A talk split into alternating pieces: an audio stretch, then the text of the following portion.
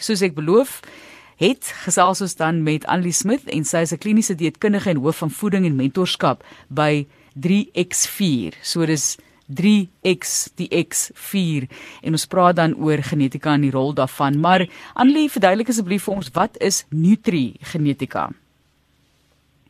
Um, goeiemôre.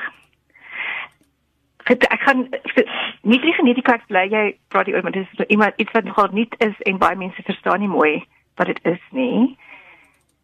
So dit is 'n nuwe wetenskap wat wil dan kyk na die studies van hoe voedingsstowwe en genetiese inligting kan gekombineer word om mense te help om meer ehm um, gesondheid te beïnvloed of om siektes op te voorkom. Wat is die terugvoer sover van mense? Ek het nou gesê, jy weet daar's mense wat sê hulle het wonderlike resultate ervaar nou in hulle lewe nadat hulle die toets hulle doen het en dan is daar iemand wat sê ag asseblief man, mense moet net balans hou en reg eet so ver moontlik. Yes, so dit kan natuurlik af van van wie die toets geïnterpreteer het en watter inligting gekry het. Daar is baie verskillende toetse. So dis nie net so straightforward soos om 'n bloedtoets te doen en gee vir inligting en dan kyk jy nou na so dit is iets wat al redelik lank gebruik word. So met genetiese toetse is is dit belangrik dat die toets wat jy gebruik genoeg inligting gee dat jy kan die uh, soort van 'n ehm um, genoeg inligting het sodat jy vir iemand kan goeie behandeling gee en dat die persoon wat dit interpreteer ook weet wat wat oor praat. Goed, so kom ons vind bietjie meer uit. Wat is die waarde daarvan teenoor ander maniere van ingryping in mense se lewens, so die tradisionele voeding en leefstylaanbevelings? So ek dink dit is beter as ek eers verduidelik wat 'n geen is. So in jou jou gene is 'n bloudruk wat inligting stoor en hierdie inligting word basies soos 'n resep gestoor. So elke keer as jy aan iets blootgestel word, soos as jy iets eet, so dink daaraan elke keer as jy iets eet, elke keer as jy aan iets blootgestel word soos 'n virus of iets in die omgewing soos besoedeling, word gene aan en afgeskakel en dit is amper soos 'n switch op vir elektrisiteit distributiebord.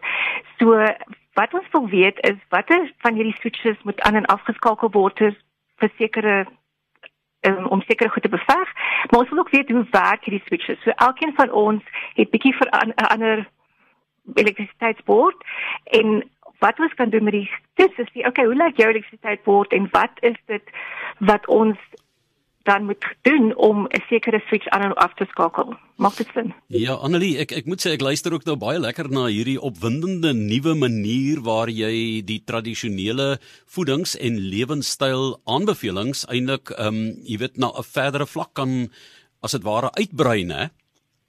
Ja, yes, so in plaas van om in die tradisionele manier wat ons doen ons, ons gee aanbevelings vir 'n groep mense kom ons sê almal wat 'n diabetes moet 'n sekere tipe dieet volg of almal wat hartsiektes doen met 'n sekere ding doen.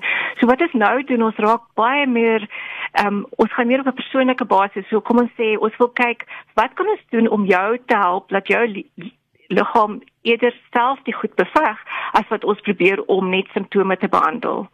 En watter tipe toetse is beskikbaar waar mens die inligting dan van kan kry? Dit moet 'n genetiese toets wees. So daar is 'n paar maatskappye of in die, op die oomblik in Suid-Afrika wat dit doen. Maar dit is gewoonlik 'n 'n buccal swab, so dis 'n sel wat uit jou wang geneem word en dan kyk dan kan mens die DNA daai kry en dan kan mens sien wat se tipe variasies jy spesifiek in jou gene het. So dit is 'n genetiese toets en meeste van die tyd is dit spesifieke maatskappye wat dit aanbied. Nou jy het verwys na diabetes, maar wie sal almal baat vind by Nutro Genetika? enige iemand sal baat vind. So want dit gee nie net vir jou inligting van wat oomblik met jou aangaan nie. Dit gee ook vir inligting wat kan gebeur en wat jy vir hoe jy meer voorkomend kan optree. Maar vir al mense wat sekere toestand dan het wat hulle nie regtig antwoorde vir kry nie. Selfs iets soos moegheid of as jy baie pyn het en jy is nie seker wat gaan aan weet wat is die al die oorsake wat dit kan want dit kan baie goed wees wat veroorsaak gewigsverlies, gewig optel, dan kan mense genetiese toets doen om te kyk wat is die belangrikste manier om dit aan te spreek en te behandel. Ja, nou hoe hoe weet jy dis 'n betroubare toets? Wat is die belangrike faktore om in ag te neem? So dit is belangrik dat mens 'n toets gebruik wat baie goed vir navorsing het. So ek dink die beste is maar net om te gaan weer navorsing doen oor die maatskappy self te sien hoeveel toets hulle al gedoen het. Gewoonlik is dit goed as dit hulle deur praktisyne werk dat dit die praktisyne dit kan interpreteer en dat die praktisyne opgelei word.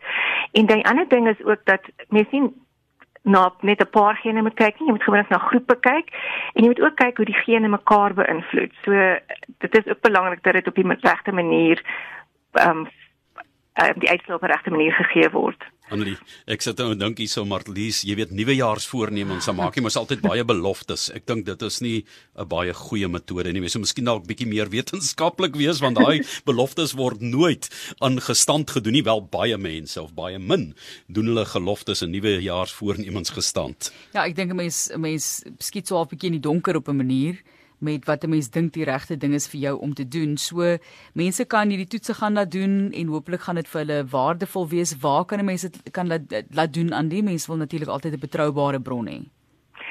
Ja, so die die maatskappy wat ek voor werk en wat ek by opleiding voor doen, is X4 genetika wat jy nou nog genoem het. So hierdie maatskappy het werk al is al met 'n baie lang track record en hulle het baie baie wetenskaplike inligting wat in hulle toetse ingaan, dit word nie dit word baie baie goed saamgestel. So dis een wat ek persoonlik gebruik. Maar uh, jy praat van 'n selletjie wat uit die wang geneem word. So dis nie 'n ingreep mense hoef nie bang te wees vir letsels en operasies en skalpels en slaggate nie. en slaggate nie, né? so ja, jy kan dit dis by die huis doen. Jy jy het 'n swap wat jy gebruik amper soos ek dink almal weet nou met COVID hoe dit gedoen word in die neus, hierdie word nie in die neus gedoen, word in die mond gedoen, maar jy doen ook 'n swab en dan dit word by die laboratorium gestuur wat in die Kaap is en hulle gee stuur dan die resultate deur na die persoon wat dit aanvra, het geword gewoonlik deur 'n praktisyn aangevra.